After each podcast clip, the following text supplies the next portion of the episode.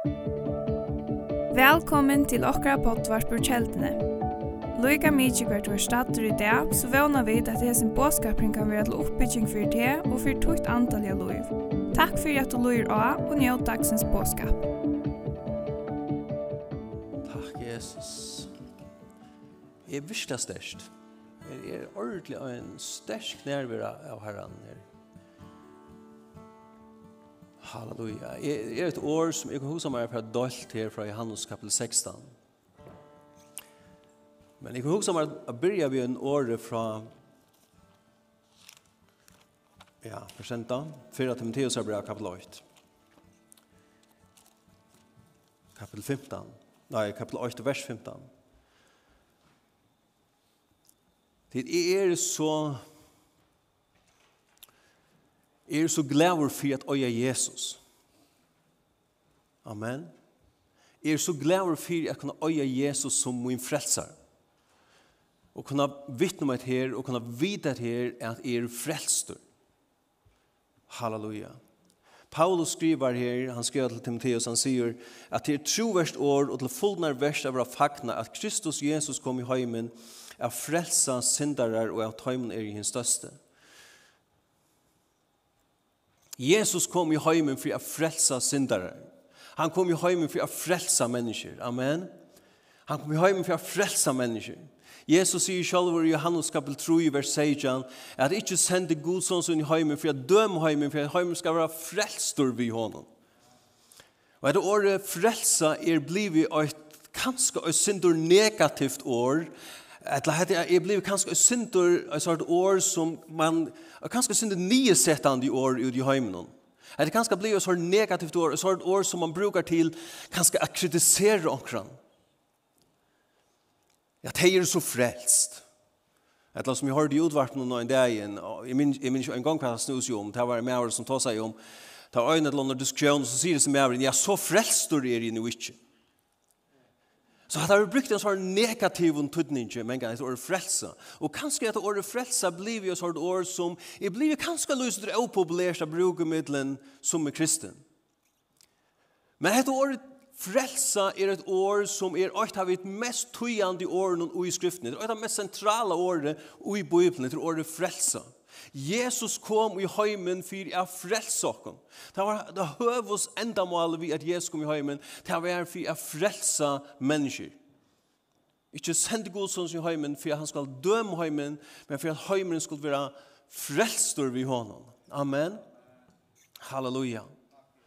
Halleluja.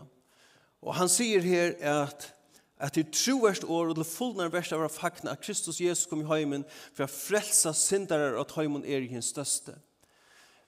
Efesus brev kapitel 2 vers 8 sier øysene at du av nøye er vi frelst. Du av nøye er vi frelst. Amen.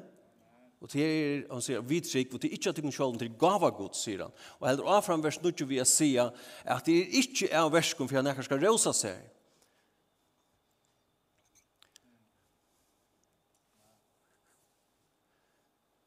La meg fortelle dere en tvei ting, eller troi, kanskje, kanskje fyra, som øyn og kvør av okkon, øyn og kvør kristen burde gjørst, men som ikke frelser nekran.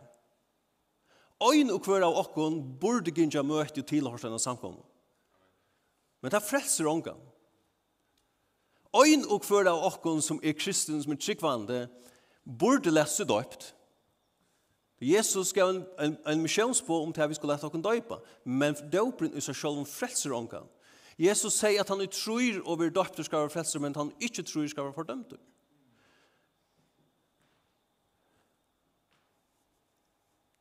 Det at gjøre vel er nekka som øyn og for kristen burde gjørst, men det er frelser omgang. Det at djeva, la meg si et annet øyne, det at djeva til fatøk er nekka som øyn og for kristen burde gjørst, Ein og hver av okkon burde av ein eller annan hat vir vi til at givi til fatøk. Men det frelser heldur omgang. Bibelen sier at Gud gav okkon åkt navn under himmelen til frelse og til navnet Jesus. Åkt navn under himmelen til frelse og til navnet Jesus. Og Jesus sier sjálfur i, i Johannes kapitel 20 vers 9, her sier han at jeg er dittnar. Tan ufer innjøgnu med skal vera frelser. God gav okkon øyna hor.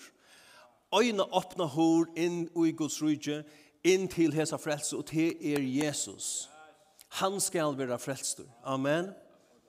Halleluja. Det er som, jeg hørte en mann ta som et her, han vittner om et at han har haft en dreim her, og han rønte jeg kom inn i Guds rydje. Han struttes vi jeg kom inn i Guds rydje, og han så lukka som himmelen, etla, etla, etla, hin nutja Jerusalem, stegen, hin høyla stegen, og han så han som henda bojen, og han røynte jeg kom inn i henda bojen, og i hessen dreimen og han røynte jeg kom forbi hendan her muren, og, og, og klatra og, og på henda muren, men han sier, jeg i sjøk å komme inn i henda bojen, eg klarer i å komme inn i for bojen av muren her. Så, så sier han, og i hessen dreimen, og så møter han en mann, som sier vi han, ja, men hvor røyner du ikkje horna? Hvor fyrst du ikkje bare tjøkken? Horna? Jesus er horen inn til Guds rydje. Jesus er horen. Han er dittnar til frelse. Amen. Han er en åpna horen. Halleluja. Takk, Jesus. Jeg ble frelst som en smadronger som halde var 8-9 år gammal. Jeg tog med Jesus som mynden herre frelsere.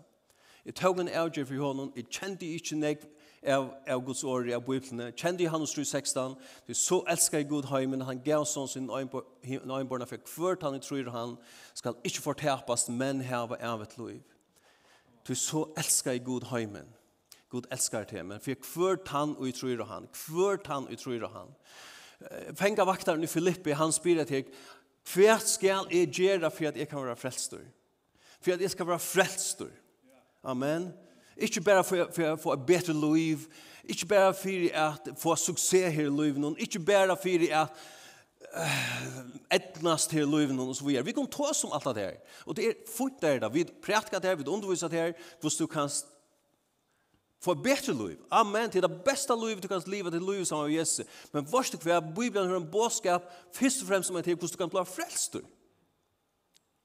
Amen ordet frelstor er også om jeg viktig ord her i Bibelen. Hva skal jeg gjøre for å bli frelstor? Og Paulus og Silas være og trygg av Herren Jesus Kristus, og du skal være frelstor. Du og husstort. Amen. Og jeg er så glad for at jeg kan vite at jeg at jeg øye Jesus, at jeg øye frelseren Jesus Kristus. Jesus er min herre, han er min hyre, han er min konger, min friar høvninge, men han er min frelsare. Og jeg vil omgang tog og gammel er gledast i hesens sannløyga at Jesus er min frelsare. Amen. Vi vil omgang tog og gammel er gledast i hesens sannløyga at Jesus er okkar frelsare. Og kanskje kanska hugsa til, hvis du ikke øyer han her, så kanskje hugsa til, kan jeg blive frelstur? Jeg har så gjort så nekva synder. Jeg har gjort så stora synder. Men Paulus, Paulus han sier, i 4 Timotheus er brev her som vi leser, han sier at Jesus Kristus kom i høymen av frelsa synder, og at høymen er i er største. Så øyne kan man godt si at, at Gud, han lever langt og frelst den største synderen. Så drar han ikke veien for at du skal bli frelst i røysene. Og så sier han vidare, men tog fann er miskunn, for at Jesus Kristus kunde ha mer som fyrstor vær, är, alt lenge med oss og ta imot til fire døme som skulle trykke på han til evet liv. Nå, det som Paulus sier i örnor om det, var ska jag? God tog meg ut, han gjør det med til fire døme, han tog meg og gjør det med som et eksempel, og på hans er større nøye, hans stora miskunn. Paulus lyser sig själv, han Han forteller om så gamla loj, hvordan han forfyllde dem kristne, hvordan han sette fengkhus, hvordan han, han, han var vidt til å drepe deg, men hvordan han torsturerer i deg i øsene. Og, og faktisk sier han til at han nyttet det. Han lyser seg selv som en sadist på en måte. Han nyttet, han hæta i deg kristne. Men han sier, hva skal jeg, God frelste meg, Jesus frelste meg, Og han tog meg ut, og han gjør det med til et eksempel, og et fyrdømme og på de som skulle trykke for han til et og på hans store miskunn. Hvordan er omettelig store miskunn hans her er. Til lykka som Gud sier, hva skal, hette her er evangeliet, hette er evangeliet om frelse. Og nå skal jeg gjøre det og døme. Hvordan står hendene og eier? Hette her evangeliet, hvordan kraft mye det er? Jeg skal gjøre det og fyrdømme. Jeg skal frelse hendene mannen her.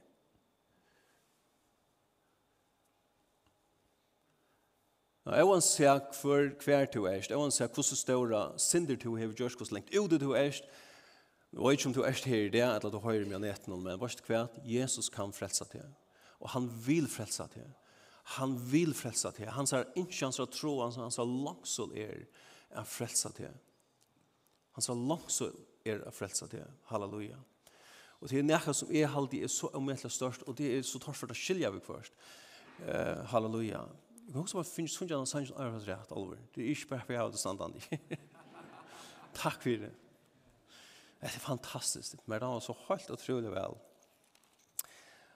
Alvor til han synger røysene. Og jeg gikk og sang henda sangen ui jar. Og jeg gikk, herre, jeg hei yngst. Åh, jeg er yngst av hessen sangen på sangen i det. Så halleluja. Takk Jesus. Amen. Men Bibelen sier, så er det Jesus han frelste oss fra nøkron. Jeg vet ikke om de kommer færre hvem meg lykke til. Fyrre Thessalonikbrev kapittel Ja, hva var det her? Kapittel 5. Jesus frelste oss fra nøkron. Han frelste oss fra synd. Han frelste oss fra helvete, fra fortaping. For hvert han tror og han skal ikke fortapast med av et liv. Jesus kommer bjerg okken fra en helvete. Han kommer bjerg okken fra forteping. Han kommer bjerg okken fra en evenløyk utan god. Og et halvt er helt fantastisk øyne. Det er det at han skal øyne til. Og det er det at du tror Jesus. Det er det at du møter Jesus som den herre og frelseren. Det er den øyneste øyne, øyne synden som gjør til at mennesker egentlig er færre fortapt. Det er det at det vil Jesus. Det er det at det ikke vil bodges for Jesus i møtakene.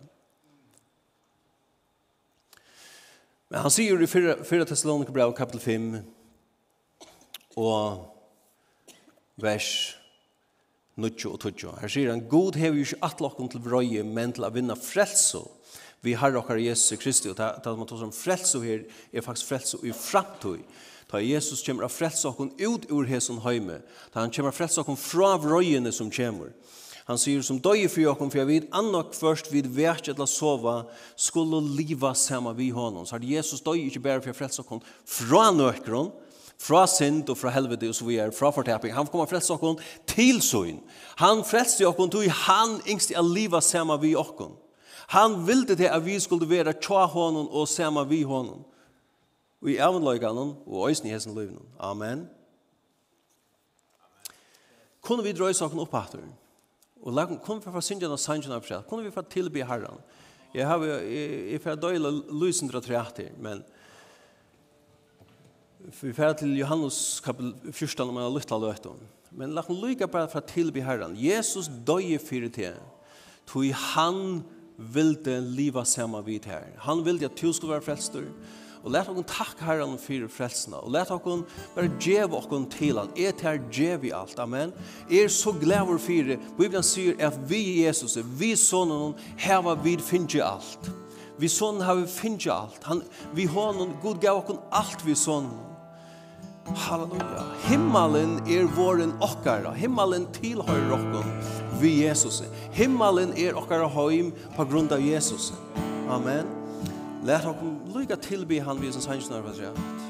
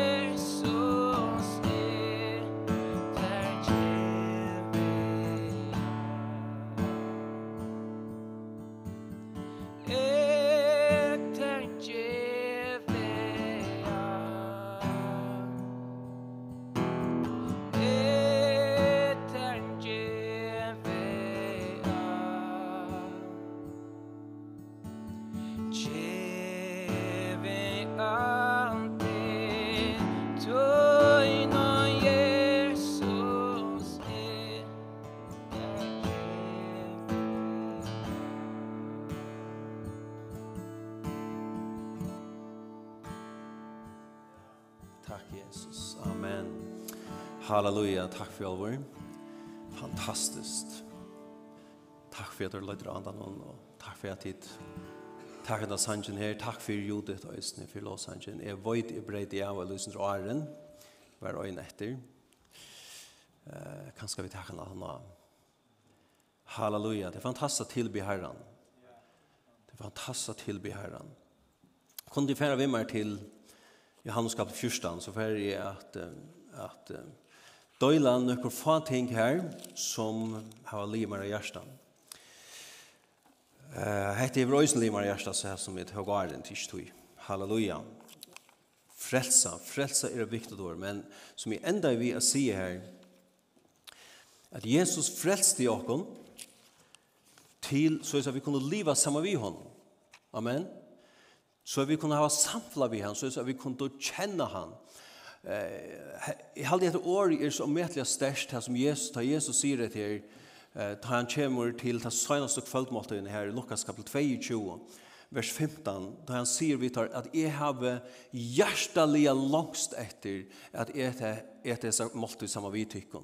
Jeg har hjertelig langst etter at jeg etter disse måltid så kvöld måtte samma vi tyckon. Jag tycker vi inte att Jesus var så eller svänkor ändliga att han oh, jeg ordentlig glett meg til, til ikke mer vik først, ja, ordentlig svenger, gleder meg ordentlig for meg, for jeg, jeg trykker ikke til å enda det som la øyes ned, for jeg vet, jeg, jeg har hjertet langs etter etter det samme vi tykker. amen, Jesus glettes at vi har samme vi som lærersvøgnen, han er hjertet langs etter å bruke seg løtene som vi tar utheimen, og jeg er sannfører om til at Jesus, han lønges hjertelig etter øysene, jeg bruker tog sammen vidt her og mer. Amen. Amen. Jeg bruker tog sammen vidt her med. At vi kunne sette oss nye vid Bibelene, lese Bibelene, og lete han tale til oss ur Bibelene. Amen. Og her vi kunne bia, bruke noen bønerløft sammen i hånden. Bare takk honom. Amen. Halleluja. Jeg vil si for meg nå, kanskje bruke en, en større part, ta er bia, hvis vi har talt tungen, og så videre, men og den største parten av min bønerløyve, Det er ikke vi at bia god om så øyla nek, at gjere endelig sånn nek fyrir meg, eller djeva mer nek, men den største parten er bare simpelthen takk om. Det er bare prysom. Det er bare bruket seg løtning hos never, herre takk for han som du erst. Takk for du trofeste, takk for du er gaur. Takk for at du er min frelsare, amen. Halleluja. Så jeg bruker jo øyne til at jeg ser meg nye i Bibelen, og så leser jeg Bibelen, og så blir jeg takka god i utfra dem sannløyken, som stand det her, som jeg leser. Bare prøys om, takk om for det. Amen. Johannes kapitel 14 og vers 16. Her sier han, og jeg, sier Jesus, og jeg skal be færen, og han skal gjøre til en annan talsmann, jeg vil ha tja til en atler, vil ha tja til en atler over, andre sannløkene som høymen ikke kan få, til han ser han ikke, og kjenner han ikke, men tid kjenner han, tog han vil tja til og skal være uttikken. Jeg skal ikke lete til en færleser etter, Jeg kommer til tikkere. Lytla stund at tre, så ser heimere mye slanker. Men tid suttja med tog er livet, og tid skulle liva. Amen. Mer damer vel hatt uttrykk her. Er livet. Tog er livet, og tid skulle liva. Amen. Men så sier han at han det, uh, han det er for at det er sanna at er i færre munnen, og tid er i mer. Og er, er i tikkum. Amen.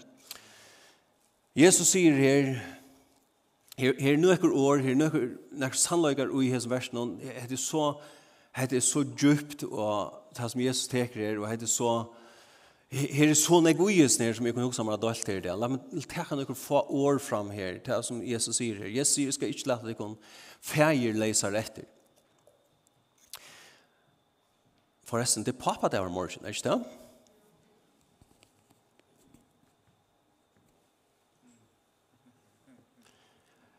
onkur sier kanskje at du nå på hatt av. Det var det jeg reaksjonen til konen kommer. Jeg sier vi en, jeg halte å høste en eller hørt, jeg sier, er ikke pappa der male? At du nå, sier hun. At du pappa der.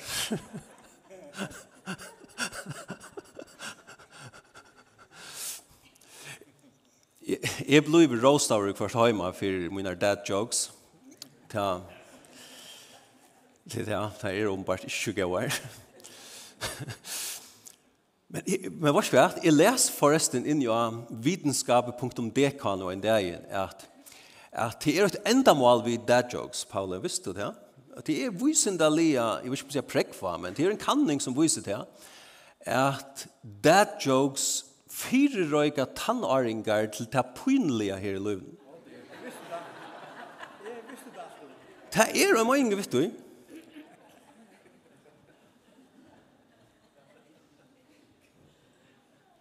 Så hold on. Det er viktig. Takk, Jesus. Halleluja. Jesus sier, jeg skal ikke lade låta dig etter efter kommer til deg her. Amen. Eh, Jesus sände jo noen landa. Vi har haft kvitsonom, vi har haft majmana. her vi har fokuserat på hele andan. Og jeg ikke bare lykke å takke ut her øsene. Nå fikk jeg ikke løyve i Gassarion til å ta seg i mai måned.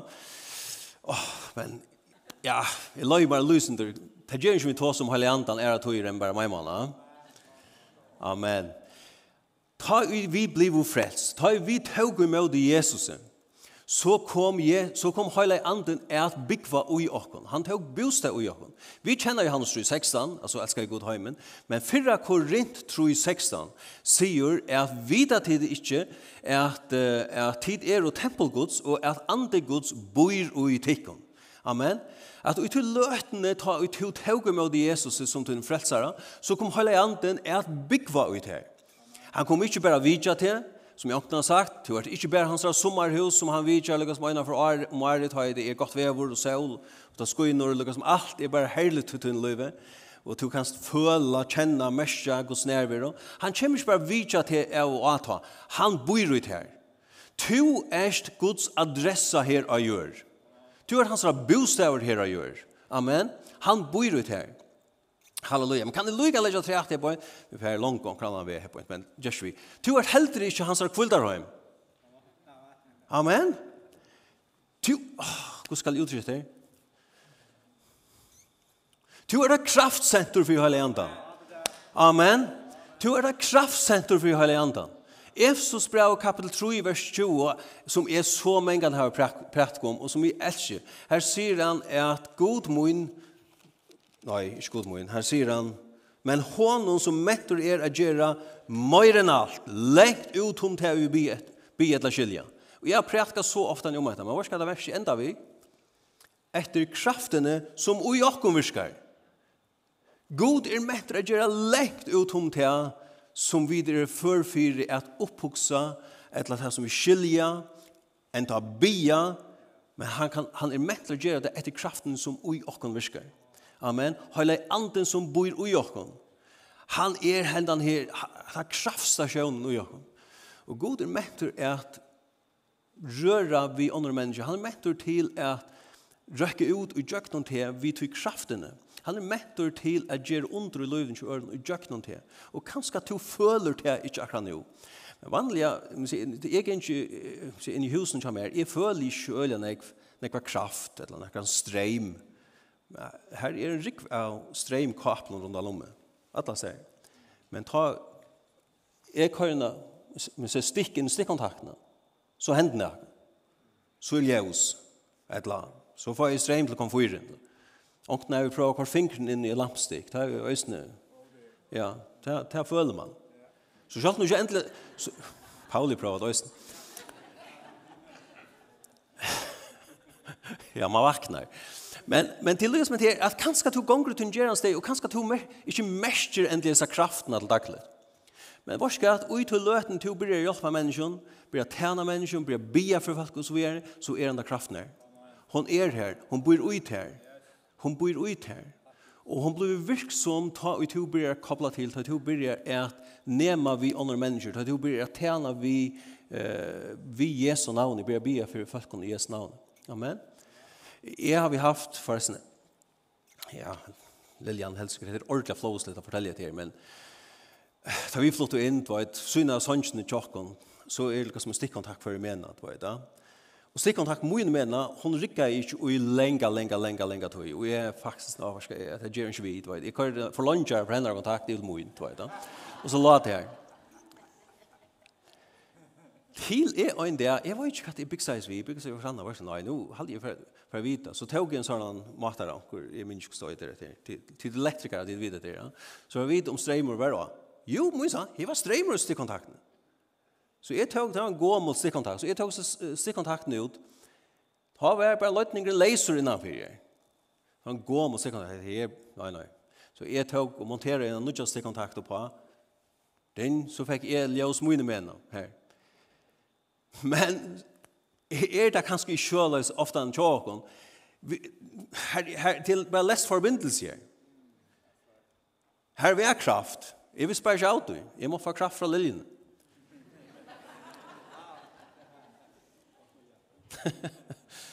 Men her er kraft. Her er kraft ut her. Som en kristen. Amen. Han bor ut her. Og tar du börjar tjäna människan så er den där kraften her. Tar du börjar tjäna människan ved Jesu navn. Halleluja. Amen. Jeg skal ikke lade att ferdig lese rätt. Ta Jesus tåsar med här att Ta Jesus tåsar med her at jeg skal sende deg en annan talsmann, en annan talsmann. Et år i annan, et er, et, ta han sier et her, så sier han en annan er og sama slæg. Vi ør når han skal sende en annan talsmann. Han sier, jeg skal sende deg en annan som er akkurat lykka som er. Det er ikke til at Heilige Anden Jesus er til som og personene, men han sier, jeg skal sende deg en annan talsmann som er akkurat lykka som er. Han, han er som er, han, han huksar som er, han talar som er, han er som er på alle måter. Og han bor i det her med. Forresten, ta i Bibelen tåsar om heilig andan, så tåsar Bibelen om anda Kristusar. Og faktisk bruker Bibelen også etter uttrykket Kristus uitikken. Amen. Så hele anden uiter er Kristus uiter. Og han, Bibelen sier han er en same, han er en same, og han er mettor til å gjøre så må versk i det. Vi kraftene som i åkken virker. Vi gjør ikke noe til og med. Halleluja. Halleluja. Jeg, jeg og Paul, vi, jeg vet ikke om å si at vi ikke har samme smak til å komme til biler, men jeg har ikke lykka flottan bil, vil jeg si, som Paul. Vi, jeg, Paul Paule og Bikve, vi pleier å gasa det alle, så cirka tverfer om, tverfer om året, ta slipper jeg køyre bilen til Paul. Ordet døylt, fantastisk. Fantastisk. Sust tar vi varit det Gassadal, så kom, kom vi här från Sandavai nian efter det här bräckningen, jag var inte kunna öjter, men han sätter ju spydar han reikade så jag vill. Vi också med här, jag har en pickleton så så svift. Og han hever, jeg vet ikke, han hever, hva hever han? En halvfjers fortsessa krefter eller noe sånt, det var det. Men hva er det hva? Men for innast slag, jeg klar, jeg kommer rundt alle steder som skal i fyrjon. Jeg, Bilja Paula, han, jeg halde han 340 hessa eller noe Jeg pjøs ikke så 340 hestakreftene jeg kommer rundt her i førgen. Jeg, kan, jeg klarer meg i halv fjers hestakreftene. Det var ikke problem. Jeg, jeg kommer rundt. Jeg pjøs bare så kraften her som er halv fjers hestakreftene jeg kommer rundt. Men hva skal så, hvis jeg lykker umyndet meg alle etter, hvis jeg kjepper meg en, en husvogn, en campingbil, campingvogn som jeg skulle sette krokar på bilen, og jeg skulle ned en jøkken av brekkene, sandavai her på en campingvogn, vi må inn og så sug i svift, är ivist och om jag klarar sig bräckna. Det här hej lugga som vet, det här vi kanske vi första gir kanske här tredje kunde tog man för ett nyan jag nära. Men Paule så han har kanskje ikke bruk för det här som 304 hästakraften till köra her fra Saltangrav inn, inn til Kjelten. Men han där igen han har en husvagn fyrir og skal ner och så bräckna i i, i sandavai her, Så er det ikke problem. Ta slå, ta slå tandkraften till hinar hestakreftnar til. Amen. Sars jo, ta vi møta lussens møtgångt, ta vi koma til brekker her i løvnen, så er det en kraft ui okkon som slær til, som bor ui okkon. Faktisk, en av tøytningen av hans her, talsmæren, våre talsmæren blir vanlige omsett til hjelper, og enskund høyngon, helper, ikke comforter, men helper, og ofta hjelpar, Men ein av tøtningen av hæsen åren hjelper eller talsmauer er en stand-by-kraft. Amen. Han er en kraft som er ut her, som er en stand-by-kraft, så at ta ut og kjemur og luftsens trobeløyger, møtstøvå, møtbrekker, så slår han til. Han hjelper til at komme og pomme til. Han hjelper til i tom trobelstøvå. Amen. Amen. Kanskje du ikke føler han alltid, men han er her. Han er her. Halleluja. Takk, Herre. Han skal være tjatikken i alle ræver. Andre sannløkken som høymen ikke kan få, tog han ser han ikke, og kjenner han ikke, men tid kjenner han, tog han være tjatikken og skal være utikken. Amen. Men tid kjenner han. Amen Det er det som tar som Jesus døg for oss, for at vi kunne kjenne han, for at vi kunne kjenne uh, God, for at vi kunne kjenne Jesus, for at vi kunne kjenne hele andre, men til kjenne han, hvor tog han skal være uttikken, han skal være tjatikken. Så at vi, vi, vi kjenner ikke bare God som en teori. Vi kjenner han, til vi, for det første til vi da møter ikke han som akkurat frelser. På en måte kan du si at du kommer til å kjenne Gud, tann dagen, ta i du tog med Jesus. Tann dagen Jesus gjør det til en frelser, takk han sier, hva skal jeg kjenne god? Jeg kjenner Jesus. Men på samme måte, jeg vil si at som, som altså, Lilja, nå har vi vært gift 6 år, eller mittel 6-20 år. Jeg kommer å kjenne henne, sier jeg, sin drar vi blir gift. Jeg kjente henne, kan man si, fra første dagen jeg møtte henne på øymatta, og fra at vi ble gift. Men jeg kan også si at jeg kjenner henne bedre i det, at nå vi har vært gift med 6-7 år. Så du, du kommer så känna Jesus som din frälsare. Du kommer att känna God han där du blir frälstor. Men God vil også til att du ska leva sammen med henne, och du kan komma att känna han bättre. Amen. Utifrån en samfunn vi han, utifrån en relation vi han. Amen. Men han säger, men til kjenne han kvui Tui han skal være tjadig, han skal være uitikon. Så her han tar seg om en relasjon vi god, en relasjon vi heilig antan. Halleluja. Han tar seg ikke om en relasjon en teori her. Han tar seg ikke om bare å kjenne han ut fra ja, øyn eller øren som onker annars sier, men tog er tid han bor i ter, han er tjatikken. Du kan læra god at kjenne personliga betre og betre i liv. Du kan læra rød høyla i andans, rød god at kjenne i tøyne liv. Halleluja. Amen. Og i tøyne hjärsta. Og den beste maten er læra han å kjenne, nummer 8, til at du leser Bibelene Vi kan ikke understryka til henne Nei. Det er at du leser tøyna Bibelen. Det er han samme med høyla i anden som taler til tøyn ur Bibelen. Amen. Og han taler til tøyn her inne. Og du vil bare kjenne han og lære han å kjenne her inne til han løyer til. Til han taler til tøyn. Amen. Halleluja. Høymeren tåsar om høyla anden som en mystisk person. Men høyla anden er ikke en mystiske personer for jokken. Han er en som vi kjenner. Amen. Halleluja. Og han ikke bruker tog sammen med her. Jesus ikke bruker tog sammen med her. Jeg skal føre ja, jeg har langt tåsa lunge, men jeg skal, jeg skal føre en til. Låsanger, det kan godt bli å spekle og komme opp etter hver alt. Um, um, han sier, ja, la meg lykke til akkurat her, Hebreerbrevet, Aren, Hebreerbrevet kapitel 8. Lykke å lese dette verset, du ikke siterer, siterer det. Hebreerbrevet 8, vers 11, han sier, «Tei skulle ikke lære hver nasta søgn og hver brøversøgn og sier, kjenn herren. Tui tei skulle ødel kjenne meg, fra henne minsta middel, tarra til den største. Tei skulle ødel kjenne meg, fra henne minsta middeltarra til den største.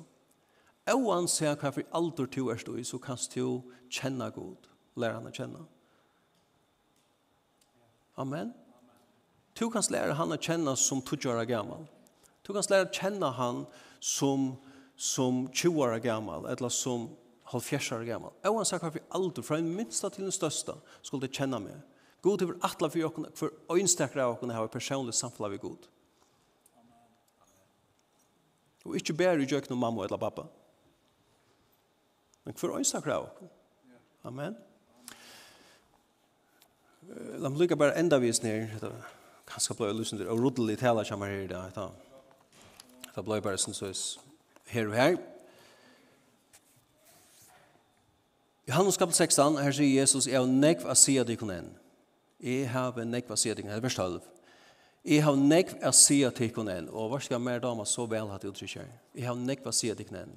Jeg kan sette meg nye ved Jesus, jeg har andre sammen med Jesus, takk av bøyplene fram, og og takka Jesus. Jesus, jeg tar deg for at du er nekva sier ved meg. Du sier det selv, jeg har nekva sier det kunne Men til får ikke bort henne, jo, sier han, vi lærer svennerne. Og så sier han, men ta i han andre sannløkans kjemur, skal han løya tikkun i atlan sannløkan. Tu han skal ikke tale av seg selv, nei, det som han høyrer skal han tale, og det som koma skal for han er tikkun. Han skal dyrmeta med, ja,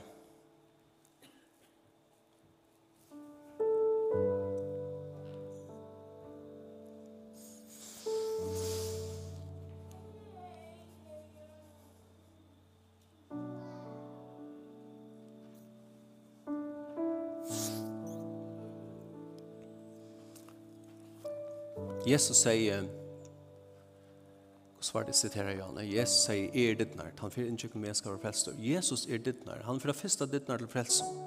Men han er øysene dittnær til bæg tjeneste og til allar gauar gudskaper, allar, Guds gudsikningar. Og det kan være at du er til det som mestjer hetta, føler hetta her, eller hever hetta så i stund løyve, at jo opplever at dyr er stongt der for det her. Men Jesus er han som leter dyr opp. Han sier selv i oppenberingen, i halde kapitel 3, han sier, er han som leter opp dyr som ånden forlater atter, og som leter atter og som ånden forlater opp. Men Jesus er han som er mentor til å lete tær opp dyr. Hvis du føler til at du er stokk, at du er kortere faster i tøyne løyve, så er Jesus han som leter dyr opp. Hvis du søker han og byr han om å lete en dyr oppfyrt for det her i støsen vers i, så er sann for dem til at han vil hjelpe til, og han vil, han vil løsen gjøre til fyrt det. Men han andre sannløkens kjemur skal han løye til at atlan sannløkene Det han som ikke taler av seg selv, det er det som han høyre skal han tale, og det som kommer skal for han kunngjøre tikkene. Han skal dyr med etter med, han skal teka munnen og kunngjøre tikkene. Ta hele anden som bor i okken, Han tekur av Jesus og han kunngjør okken. Han tekur av Jesus og formidler det til okken. Ta hele anden taler til okken, ta er det Jesus som taler til okken. Amen. Og han skal løye okken atlan sannløygan. Og hette er, hette er, er ordentlig basic hette er kristenløy. Ta i to hever samfla vi Jesus. Ta i to sette det nye sammen vi honom. Så be han tala til døgn. Be han lærte opp bibelna fyrt her. Amen. Be han åpna hesa bibelna Guds år fyrt her.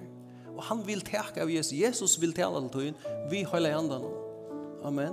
Og han vil løye til inn i atlan sannløygan. Og at her vil bliva dyra bærere enn god fyrir det. Etter året her. Takk, Herre. Halleluja.